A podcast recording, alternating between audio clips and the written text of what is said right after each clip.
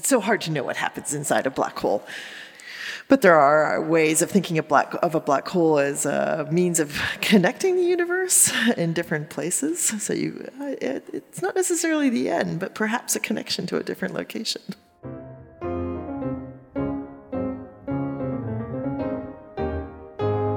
Du lyssnar till Rektorspodden. Podden då jag, Johannes Borgård, men framförallt rektor Anders Hagfeldt fokuserar på guldkorn inom vårt fantastiska universitet. Det här avsnittet är speciellt.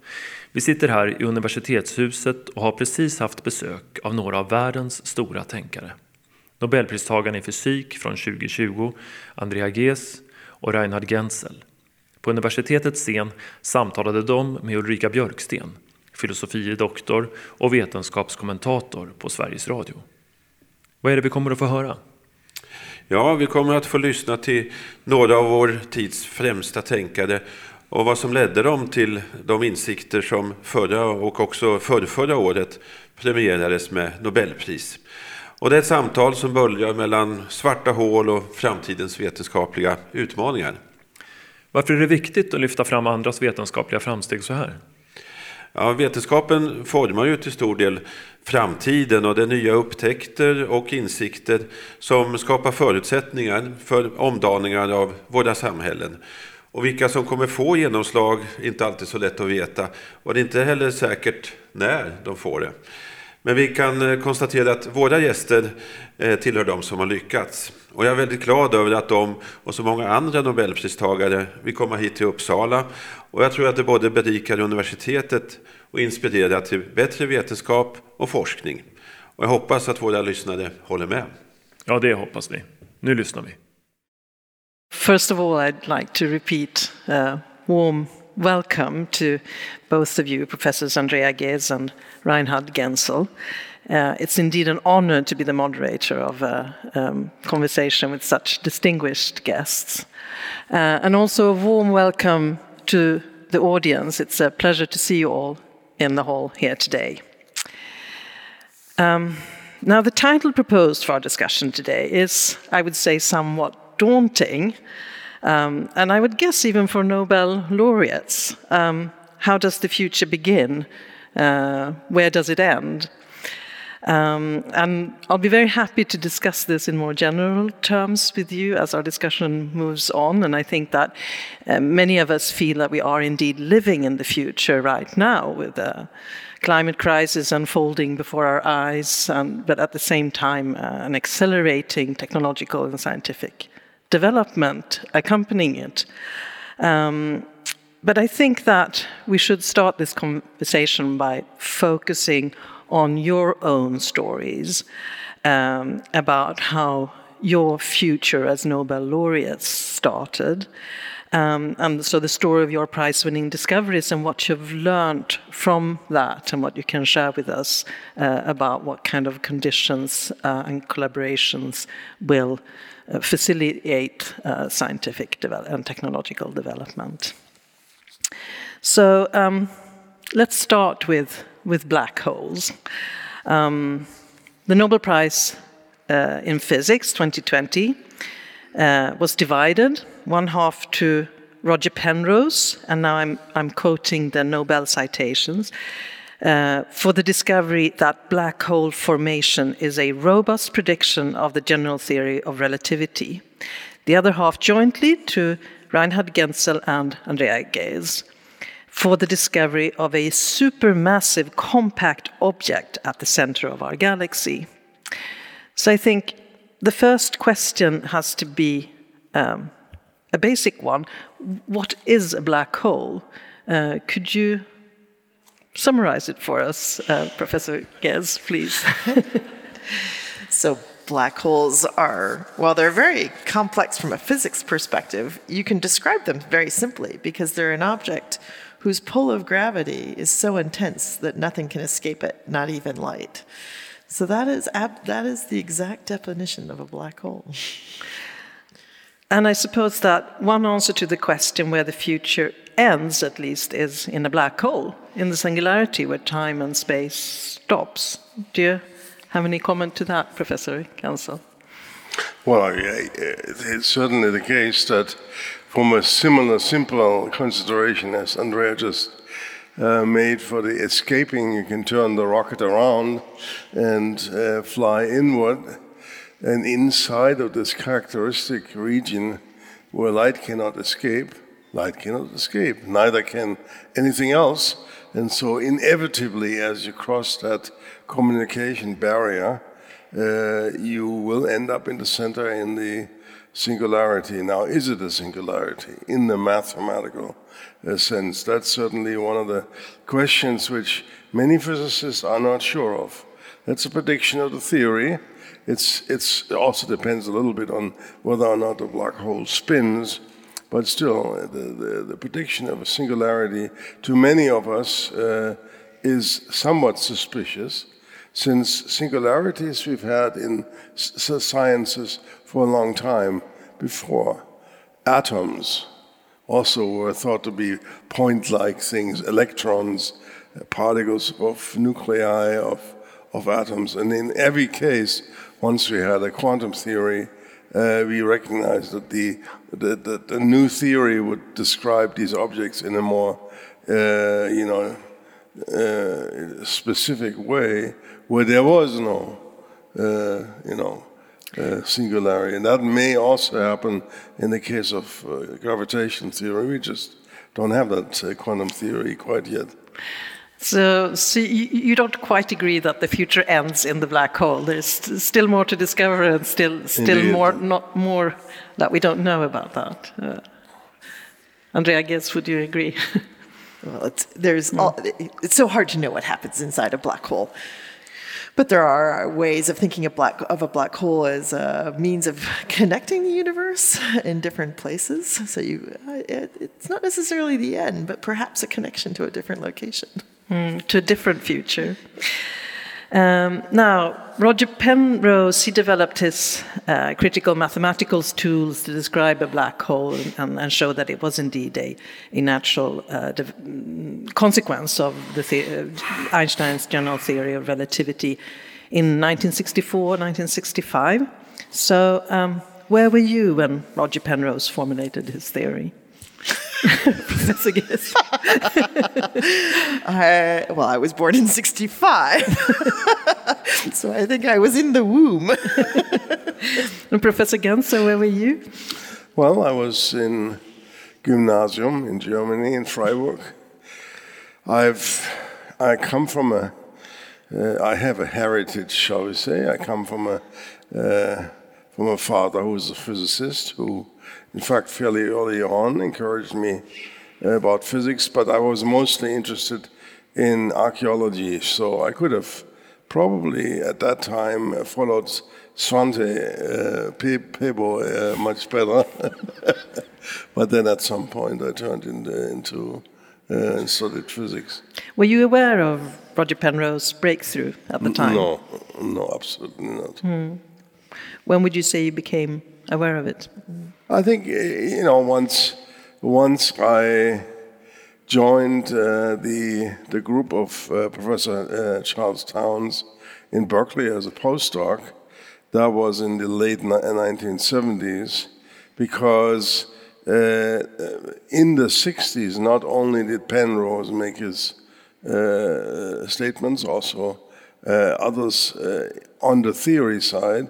On the experimental side, then one had the first shall we say, possible candidates for black holes.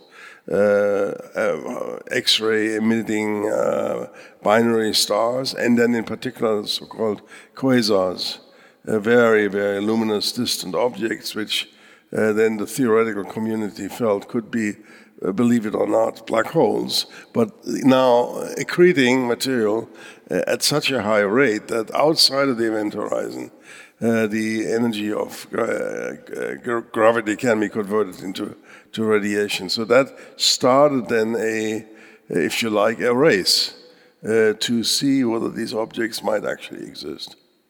So for you, black holes were indeed part of your um, your, your very beginnings in, in physics. Mm. Professor Ghez, how about you? Um, what prompted you to, to join the physics community? Oh, to join the physics community, uh, I think it's always interesting to ask when did you when do you identify as being part of the physics community? well, so I joined. Uh, I think when I was an undergraduate, when I declared uh, my major to be physics, and uh, uh, but of course, as a graduate student, really became part of the research uh, effort. Mm. So I'd say that. And were you did black, black holes play a role already for you? Oh, hugely, actually. They were part of the attraction to going into physics right from the get go.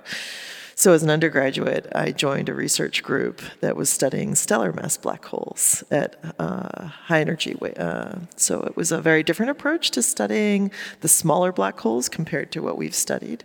Um, and I, you know, black holes are, are so compelling because they really represent the frontier of our understanding of physics. Um, and I think that's a, as an enormous driver. Uh, you're always looking for where we can make progress with our understanding of physics. And black holes represent so the epitome of our lack of understanding. So to me, I found that very um, compelling in graduate school, I um, actually took a course with a former, uh, or not a former, an earlier laureate, uh, Kip Thorne, who taught a course on uh, the general theory of relativity. And of course, that opened my eyes to um, the theoretical work that had been done. Hmm.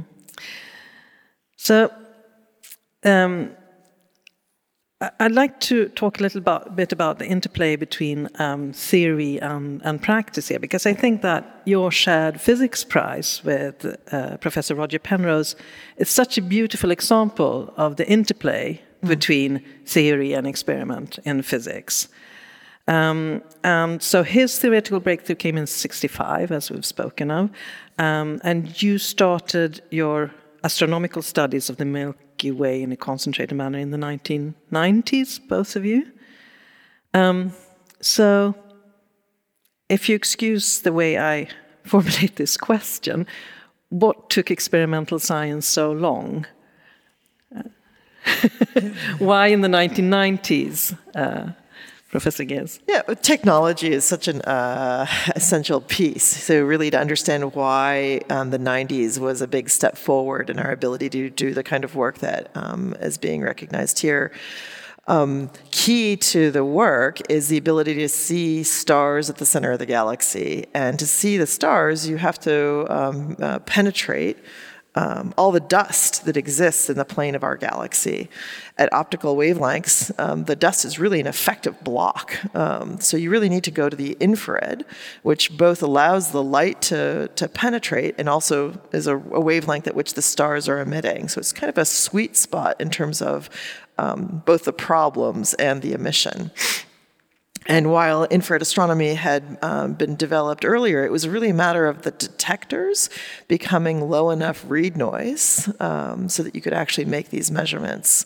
Um, and then on top of that, there's a second, um, well, actually, two extra technologies. One, you need very large telescopes, because in order to see the stars that are close enough to see their motions or to, um, in a way that, that that the motions are small enough or confine the mass to a small enough region, you need a very large telescope.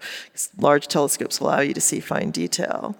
But of course, there's another problem, which is the Earth's atmosphere. So then it also relies on our ability to correct for the distorting effects of the Earth's atmosphere. So the, the early 90s was just at that moment um, when the technology was just right. Um, and I say that because, in fact, there were earlier attempts. So I think we were all keeping our eyes on um, how things were progressing and different ways of approaching this. But in the early 90s, the kind of work that we did was just right uh, for getting going. Uh, um, would you describe was it was it the search in science that prompted technology to to develop to this point, or was it technology that had appeared for other reasons that you could implement at that time? Um, Professor Genzel, perhaps you would like to elaborate on that.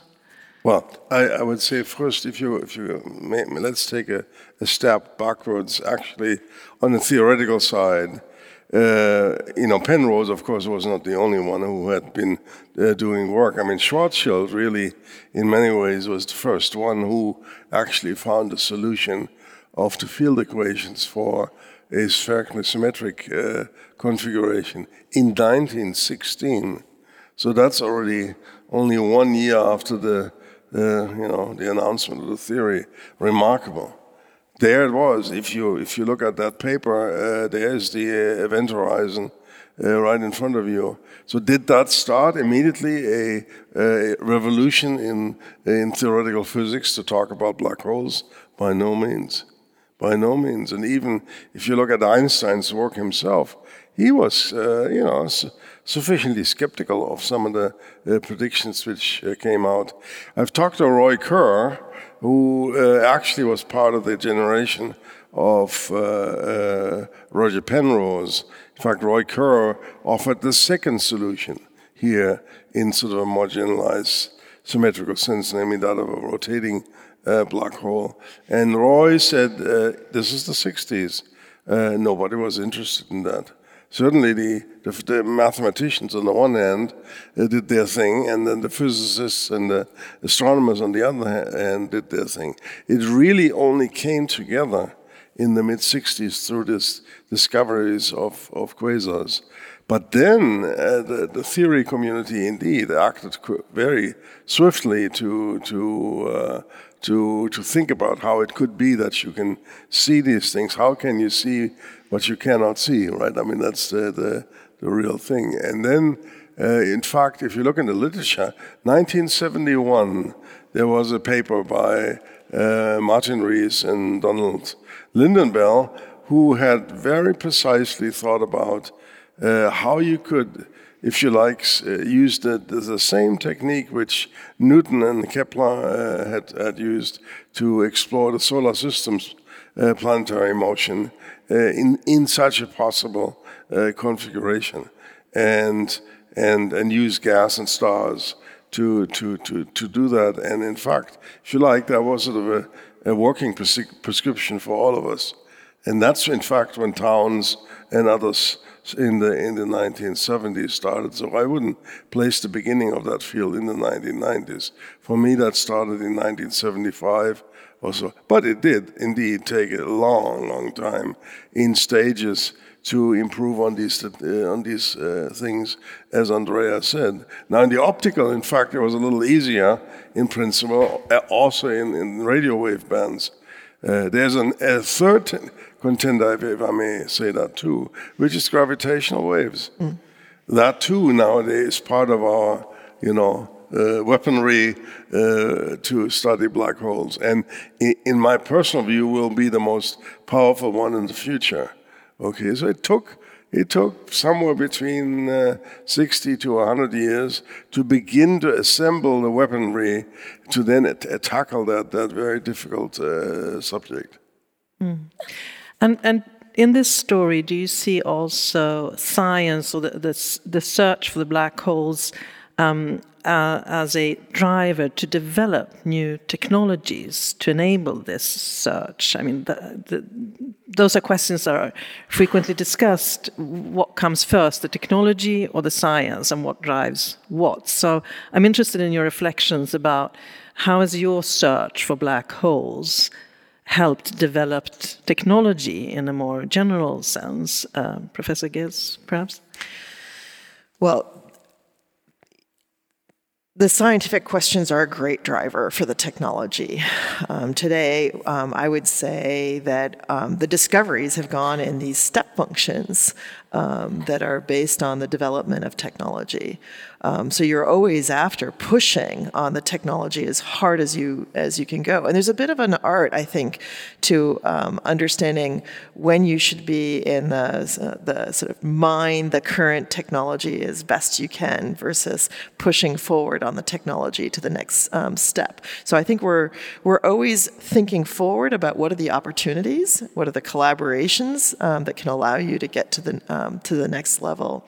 For me today, it's all about um, getting to the larger telescopes. So we have um, three telescopes around the world that are, um, uh, or projects around these big telescopes um, that should allow us to get to even higher resolution. Um, today, we just see the very brightest um, stars, and you can't see the typical star that exists at the center of the galaxy. So that drives us forward uh, to wanting to see both at higher resolution and further down in brightness. Mm. Professor Genzel, would you like to add to that? Well, I think it depends uh, very much on what the, the you know advance uh, is you look in, in technology. So Andrea already mentioned the issue of uh, sensors. Uh, and so the situation indeed was that as soon as you declare the Galactic Center as one of your favorite or the most favorite laboratory to do this, then you have to deal with the fact that the galactic center cannot be seen in the optical, as she explained. And so then you immediately hit the issue of do you have a sensor of infrared radiation? And at the time, the answer was yes, one.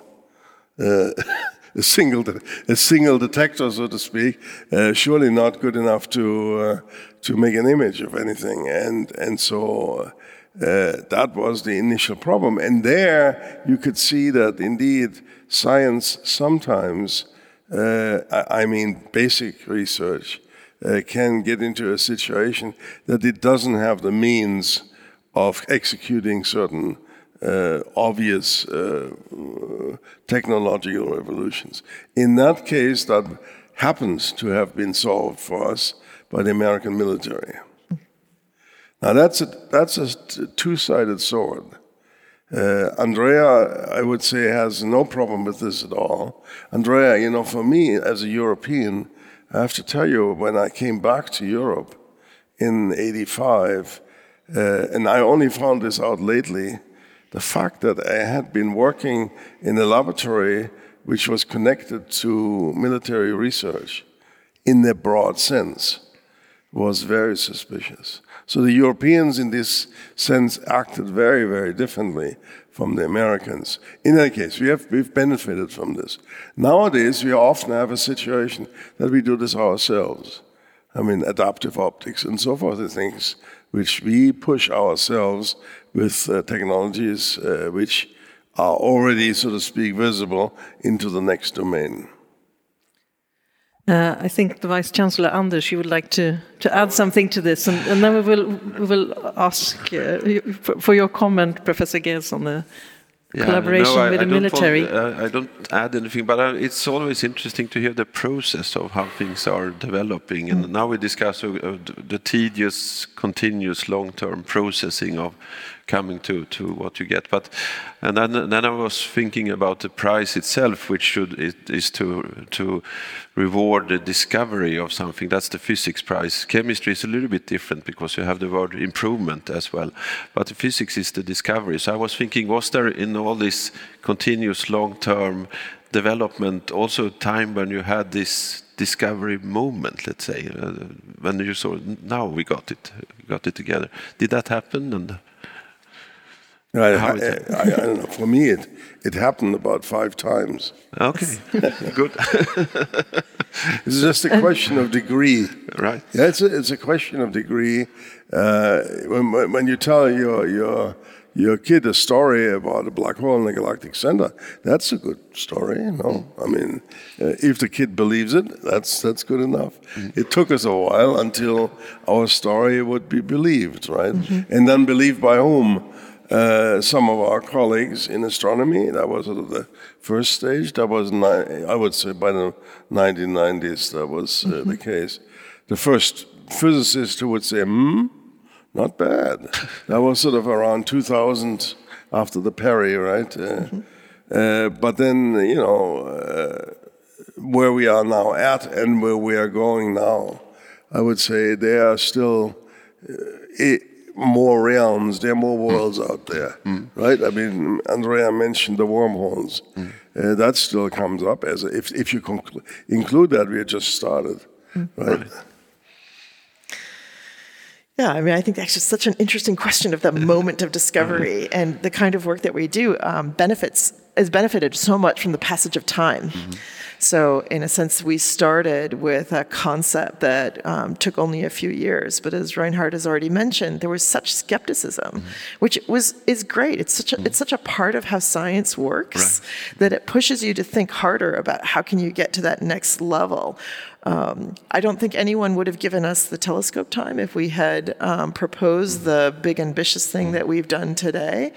Um, and in fact, even the, the first few years was um, difficult to get going because of the skepticism about whether or not the technology would work. But as, as Reinhard has said, it's been, it's been um, such an exciting uh, process of going, as I said, these step functions of discovery um, and feel and realizing that you're you're getting closer or more convincing evidence uh, for these unusual objects. Could you point to a spe- specific point where you can say that you were sure about your discovery? Well, in the, I'd say in the late 90s, um, that first phase, um, uh, I think, was the first excitement. And in some sense, the evidence for the existence of a supermassive black hole had gone up by about a factor of a thousand with that first measurement.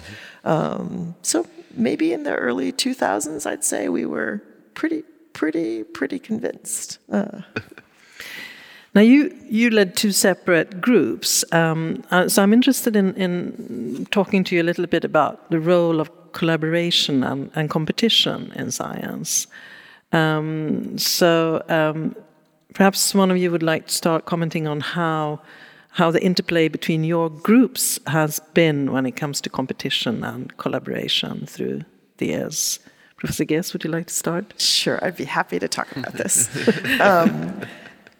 I, I, think it's been very productive for the science that's come out that there have been two um, nominally independent groups, and I say nominally because um, you're constantly talking about your work at conferences and publishing. So there's a uh, there's always an exchange of understanding, but the independence of thinking has allowed the two groups um, to think deeply, but to to occasionally think differently. So we've over the years um, exchanged a lot of ideas without um, becoming one one way of thinking about the problem.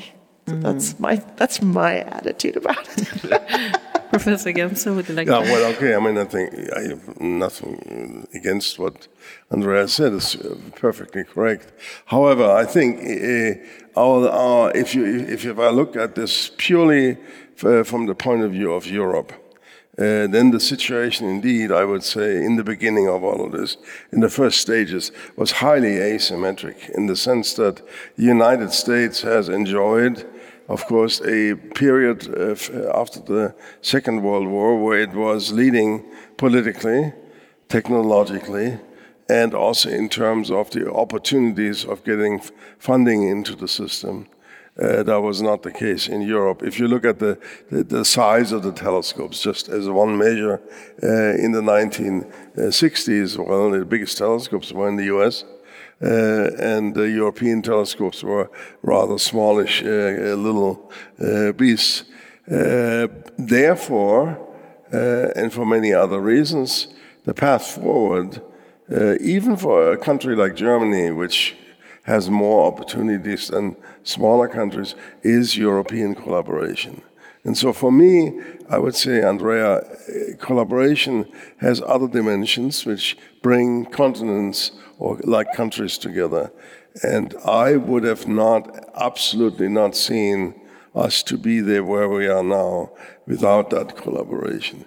Now, that of course requires that one makes compromises and that uh, you know you find ways to let the other side uh, uh, play in their way, which may not be always uh, the, the, way you are. But I would say at the end of the process, right now, uh, Europe has caught up in many, many ways. And in fact, I think we are now uh, endowed with the first, as you know, the first uh, sensitive uh, optical interferometer, uh, which has really been a, a major step uh, forward. And the ELT is, is around the corner, and you will too in, in making that step go into an international collaboration. So I would say it depends very much where you are, what, you what, what your uh, starting point is. And for me, uh, collaboration in that sense is, is a positive thing. If the uh, collaboration becomes too unwieldy, then it becomes very, very difficult. That, that is very clear too. Uh, but could it also be that the competition with the United States, and I'm talking even in more general terms, has actually been an important driver for the European collaboration uh, and what you describe as a, as a development within European science. Uh, sure. Yeah, of course. So it's the combination of well, on the other competition hand, and collaboration. Look, look, at it in space. I mean, I've been talking about the ground space, but look at space astronomy is absolutely hopeless that uh, the European Space Agency at any time will be able to do things uh, NASA can. That's, that's very clear. But also NASA comes to its uh, limits. And that is really uh, perhaps something I'd like to, you know, recall on all of, for all of us. Astronomy has been an extremely powerful, successful, and astonishingly fertile field on so many grounds. And may I uh, recall that the number of Nobel Prizes in this field, uh, you know, mm. is rather remarkable now. And I've been very grateful, grateful, Kalle, that we, we have that situation. Um, the question is, how much further can astronomy grow? I mean, the James Webb Telescope, which uh, the US has launched, has taken a long, long time, and I would, I would, I would describe it as a, a tremendously powerful telescope, but at the very limit of what can be done. I think it's very interesting to talk about the competition and, and, collaboration with two physicists because I also think that physics is the field where mm, not only competition and collaboration, but peace and war have been at stake throughout uh, the last century. Um, and um, is, that, is that anything? I mean, many of these great international collaborations were actually originally set up as, as peace projects with collaborations across continents and across countries. Would you say that that heritage is still alive in the type of work that you are doing? And I guess I mean, the the next generation of telescopes, the um, the project that I'm involved in, the 30 meter telescope, is a collaboration between the University of California, Caltech, Canada, Japan, China, and India. Um, so not only do you have international collaboration, but you have in- collaboration between different institutional structures, uh, which I think reflects how funding um, is organized in different countries. Hmm. Um, so we've, we've been talking a little bit um, already about how you see the development in, in, your field, but I would still like to get back to that a little bit. What do you see as the coming great breakthroughs, and also perhaps what what do you think uh, would what kind of technological development or political development, for that matter, would be necessary to facilitate the development within your fields? uh, Professor Ghez? Oh, there's so many different areas right now that are under development that are going to influence our understanding of these black holes, and in particular the supermassive black holes. Um, I mean, we've been talking a lot about um, the big telescopes um, that work in the optical and the infrared, but if you go to the radio wavelengths, which is an important um, wavelength for revealing what uh, is emitted by gas, um, we have the Event Horizon Telescope, which has already produced beautiful results, and it's going to be developed further to get much um, higher dynamic range uh, pictures of uh, what's going on just outside the event horizon and how the gravitational pull affects um, the passage of light as it bends around the black hole. Reinhard has already mentioned, I think, a really important area, which is the development of gravitational waves. So today we have the gravitational wave detectors on um, the ground that are very good at um, uh, studying the, the stellar mass black holes, but they're not they're not sensitive to the supermassive black holes. So the next generation of projects from space uh, will allow us to look at the interaction of the supermassive black holes. And I think that will be trans- absolutely transformational. It's such a different window and way of understanding the gravitational physics. I think that will have huge impact. Mm. And Professor Genzel, what do you see as uh, necessary prerequisites for continued development in this field in, in, in Europe, perhaps, um, but in the world also? Yeah, well, let me unfortunately come back to the somewhat more pessimistic view of an old man in a very successful field, admittedly, which is uh, the fact that we have some substantial threats. One substantial threat we have is the technology which has enabled all of this also enables commercial type uh, uh, communication in near Earth uh, orbit situations and enables, as you all know, in the next five to ten years, thousands of mini satellites of substantial size uh, to uh, circle the skies. Uh, in, in effect, however, um, introducing, if you like, a uh, rather uh, you know large amount of noise on any optical uh, uh, um, imagery of the skies. And in fact, there are several very big telescopes, in, in particular in the US, and but also in Europe, trying to to do this kind of uh, time domain, as we say it. So you're, you're looking for things where things happen to uh, uh, explode somewhere, and then you try to understand this. Very exciting stuff, but uh, if there happens to be one of those satellites flying by, it is remarkable to me. I mean, this, this, this, this issue of interference is not new. Uh, in the radio uh, range, we've had that now for, for as long as, as 60, 70 years. We kept it in, you know, I would say, in decent, in decent amounts. Now, Mr. Bezos and uh, others seem to not hold to any of this ruling anymore. I'm, I'm, I'm astonished that we cannot have a discussion of a, a weighing of uh, the importance of using the skies for research uh, in the future versus the need or the interest of a few uh, to have better communication. So that's a, a warning sign. Another warning sign is, you know, if you if you if you put a bunch of astronomers together in a room and they come up with the ultimate dreams, uh, one one uh, ultimate dream obviously is a bunch of telescopes in space. Uh, that already existed. Whether in the optical or in the radio, that's very obvious. Putting them together as an interferometer and getting uh, incredible resolution at low backgrounds you could also go to the backside of the moon. All of this has mm. been thought about, and I'm afraid I have to tell you this will not come because it's beyond our means, and and this is beyond the the regime where the population at large has so graciously been willing to support us. So I'm not sure how to see the future in that way. There will be limitations. But Andrea, be, be more optimistic. yeah, okay, I can do that. Would you like to add some optimism? yes, I'm happy to provide the optimism. You could say that the the challenge that you've mentioned to begin with, which is the commercialization of, of space, uh, will also drive the down the costs of bringing things to space. So I, I, think it is it's an interesting question of whether or not it is beyond our means. I think it, it really, in some sense, depends on how commercially viable space becomes. So it is both a threat and our path to the future. Hmm.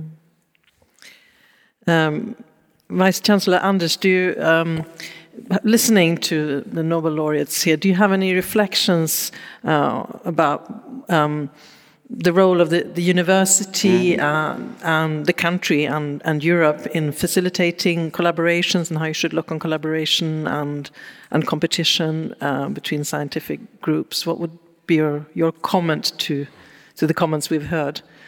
Yeah, no, I, would wanted to ask you also a bit about that because uh, one reflection is, of course, uh, what what are the conditions necessary to do what you have done? What in terms of funding, of course, but also in terms of the where you have been, university, what are the conditions, what are the environment you have been in uh, to facilitate that you have the freedom to do the basic research long term, and, and, of course you have done things which have not existed before, so you, you can't sort of make a proposal with a lot of deliverables every six months and so on. It has to be that kind of freedom. So so my question was a little bit, what kind of advice to a vice chancellor do you give in terms of uh, creating this situation in your university to do what, what you have done? What, what are the conditions really we, we need?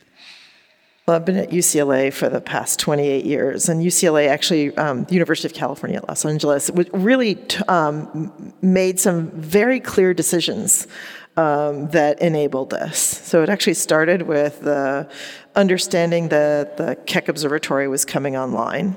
Keck, uh, Keck Observatory is a collaboration between the University of California and Caltech um, and NASA. And uh, UCLA was uh, trying to understand within the system of universities, that's mm-hmm. the University of California, how to take a leadership role. Mm-hmm. It traditionally has been headed by, um, and still headed by Santa Cruz, which has developed a lot of in, uh, in, uh, instrumentation around optical wavelengths.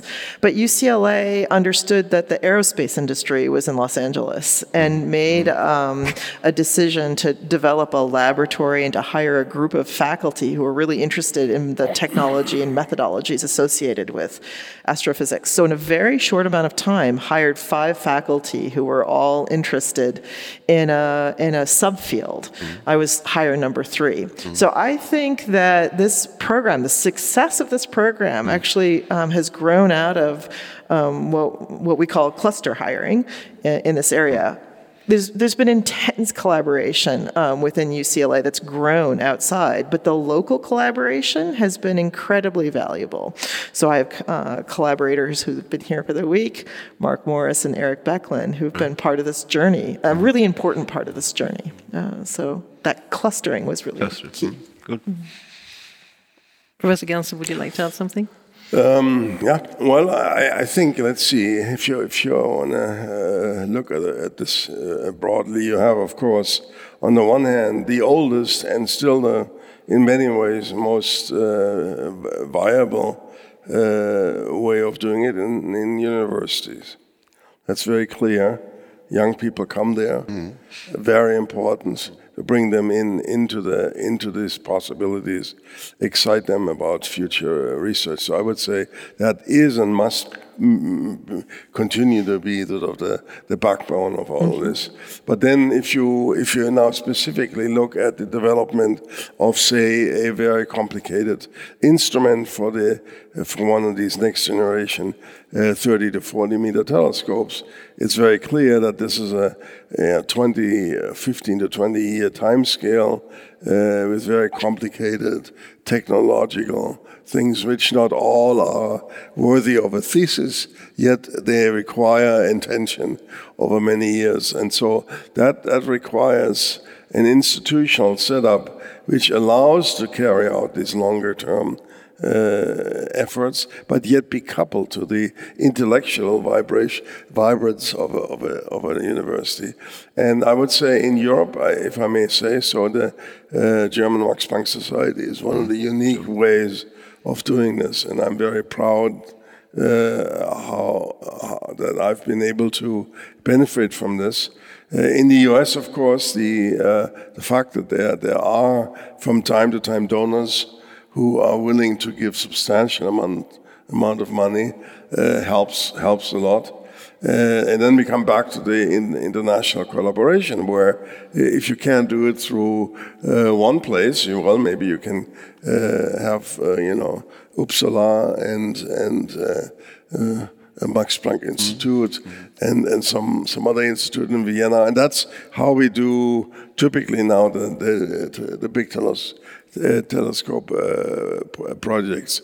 Beyond this, uh, there's also a model which is that of technology centers. Uh, I don't know what Andrea thinks. I'm more skeptical of that mm. because then you're removing uh, you're removing the purely uh, technical work, which is very difficult, highly challenging, away from the young people, and that I don't personally like so much. I love embedding it so that you can uh, maintain that connection. I think it's a, a vital for the next generation. I think it's it's time to see if we have any questions from the audience. Um, so please stick your hand up, and I think there are people walking around with microphones. If anyone has a has a question, while we're waiting for that, um, we've got one there. Yes.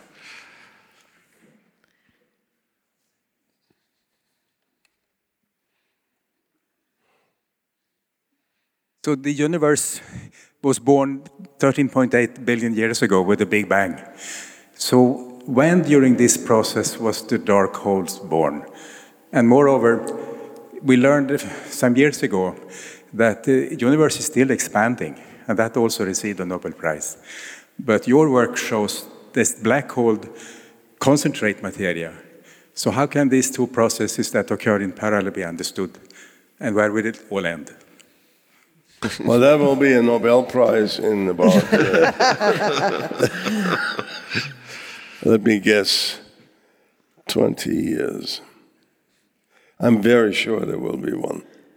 See, the thing is, the Webb telescope is, is going to go back in time now to a time when there must be somewhere there the first big black holes.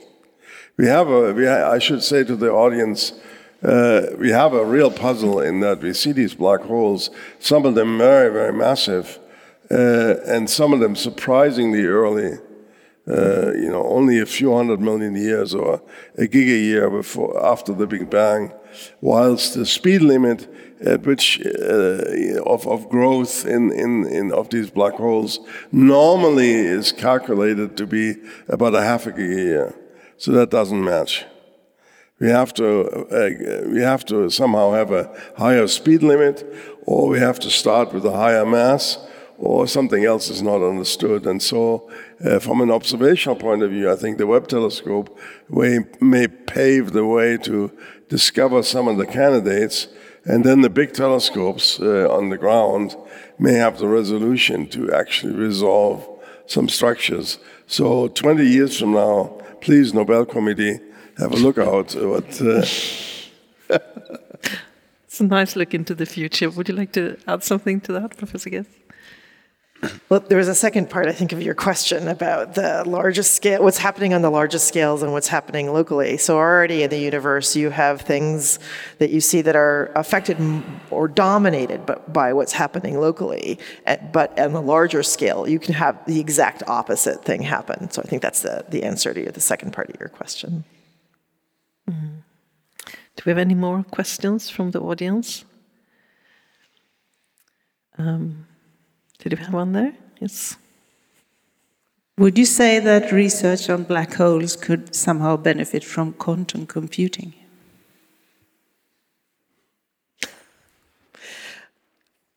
Yes, please. Probably. I mean, that's such an interesting field. I mean, it's a fantastic field where it's been celebrated this year.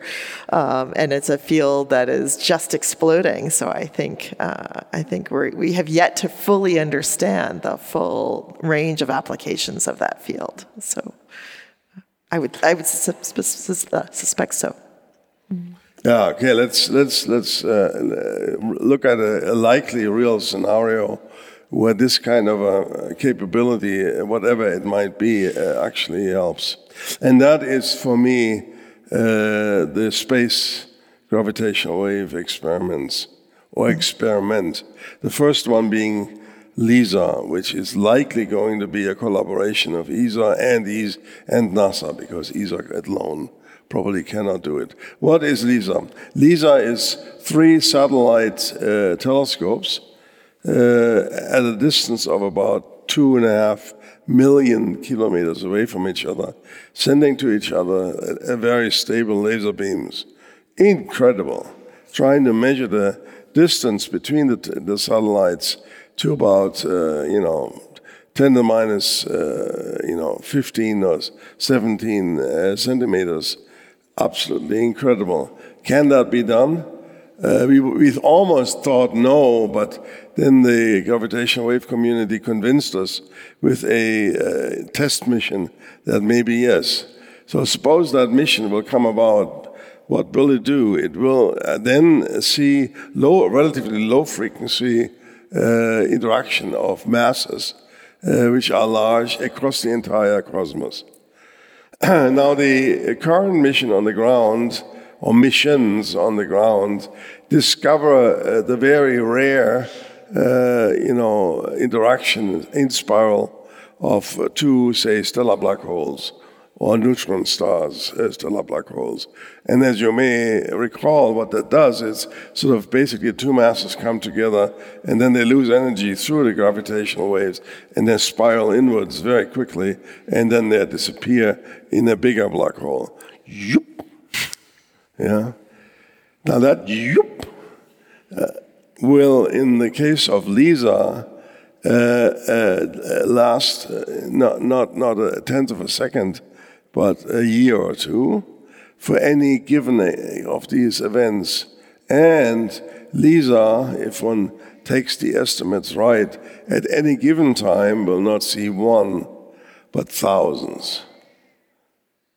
So the data stream uh, LISA will have to contend with uh, will be a murmuring of thousands of black holes.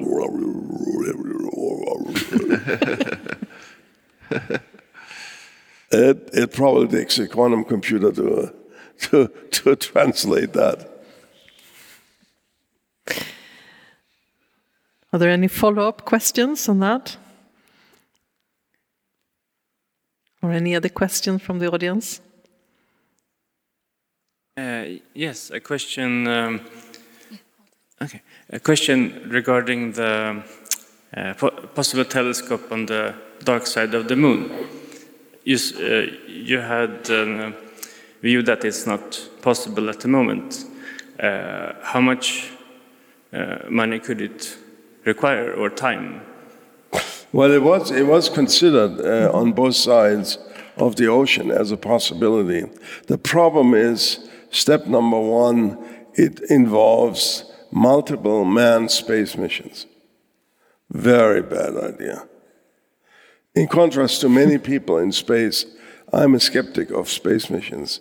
And that has been borne out in the past because the problem is just the danger, right? You have to minimize the danger, and that increases the, the cost and the duration of the missions.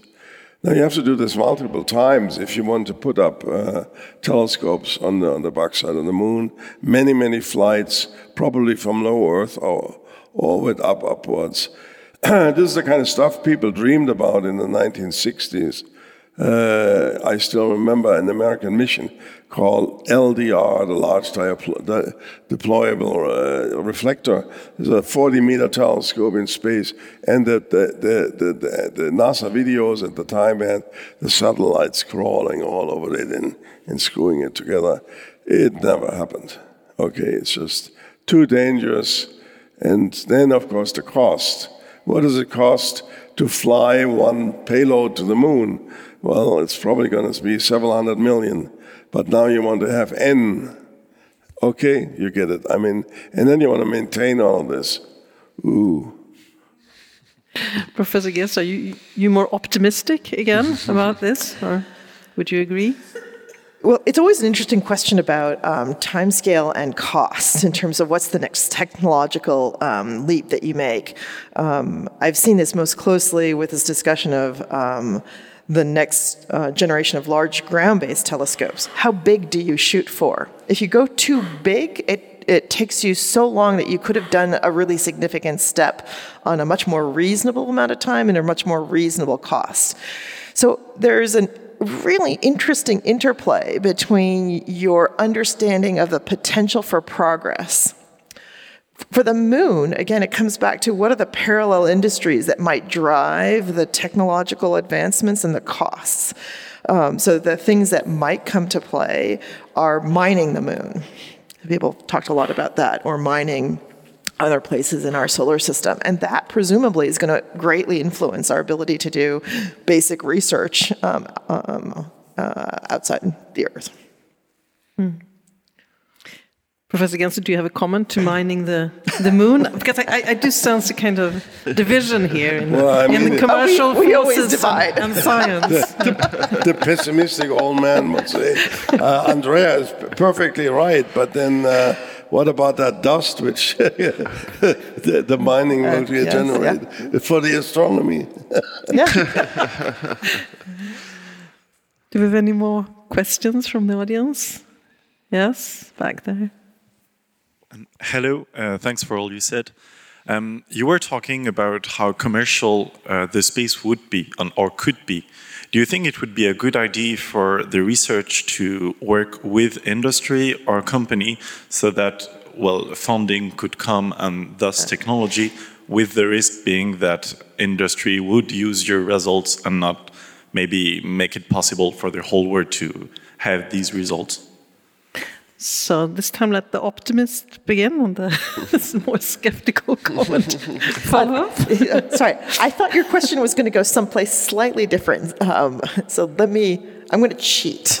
I wasn't going to answer the question of where you thought uh, I thought it was going the opportunity to collaborate already exists. I mean, there have been some really interesting collaborations already with um, the thing that Reinhard mentioned about all these satellites um, that are up there. It, it's an enormous issue for um, people in the field of astronomy and astrophysics. So, right now, there's a collaboration about what kind of um, uh, paint you could use for the surface of those satellites to minimize the reflection. So I guess in terms of your actual question, uh, which is what is the collaborate? Uh, I mean, I guess you have to think about w- what collaborations are beneficial to both basic research and apply in, in the, the world of um, applications. Um, so in astronomy, it's always around the technology, I believe, um, because that's where the where that's where there's a common interest. I I I I can't think of the synergistic collaboration. So there are definitely the spin offs in, in different places. So resolution imaging technology shows up in all sorts of are- arenas. So um, ranging from um, uh, medical devices such as mammography or um, uh, communications or LASIK, um, studying the, the eye. Uh, so there have been lots of interesting um, applications in that domain. Um, so that's my that's what I can think of off the top of my head. You've had some time to think, so go for it. I, I, from for me, this uh, I mean, in principle, the idea is good. I, I see no difficulty talking to engineers. I mean, that's what we do in our laboratories. Yeah. I mean, uh, the question is conflict resolution. There will be the moment X uh, on satellite Y where you know something happens Mm. And now, who decides to switch off the left part of the satellite or the right part of the satellite? That's what it comes down to. Well, I think we could go on and on, but we need to start um, winding up a little bit. I don't know, do we have time for one more question from the audience, perhaps, uh, with a, a, quick question, quick answers? Um, oh, thanks. Uh, my question is for both of you um, about the process of making science. I, I do believe that eventually you do face some difficulties on it uh, as Nobel laureates. How, how, do you face this kind of things? So, uh, when you find them, how, how do you overcome a problem, and how is this process of thinking about it and uh, uh, going through it? Who would like to take that up, Andre, I guess? Sure, I'll give it a, mm-hmm. a stab in terms of um, when challenges arise or um, complexity arise. I often, as, as, a scientist, I think that's the most interesting phase of, of work when it doesn't work, uh, because that's the potential for discovery. Um, in terms of how do you how do you handle it? Um, and uh, I find there are two different, very opposite um, things that are important. One is um, the uh, finding time to think in absolute quiet without all the distractions of modern day life, to really let your brain um, uh, work without thinking directly um, about the problem. The opposite part that I think is quite important is the opportunity to talk to people, to talk to people who have different um, viewpoints, who might, um, uh, where, you have the, the inter, interchange of ideas. So, talking to people who uh, might think really differently from you, either from different fields, different backgrounds. Um, so, you know, it's just the process of, of problem solving. Um, but it's a, I, I find it, it's, a, it's, it's one of the best parts of being a scientist, actually. Yeah. That's fantastic. I mean, I'm absolutely not pessimistic on that one because uh, that's where the strength of uh, people working together in teams comes to the fore, where everyone can contribute. If you have a good team, they can beat the world. I think that's th- th- those are very nice words to to e- end on, um, and it's been a great honor and a great pleasure to to have this discussion with you. Um, and so I'd like to thank you on the behalf of the audience, the university, for spending this very interesting hour with us.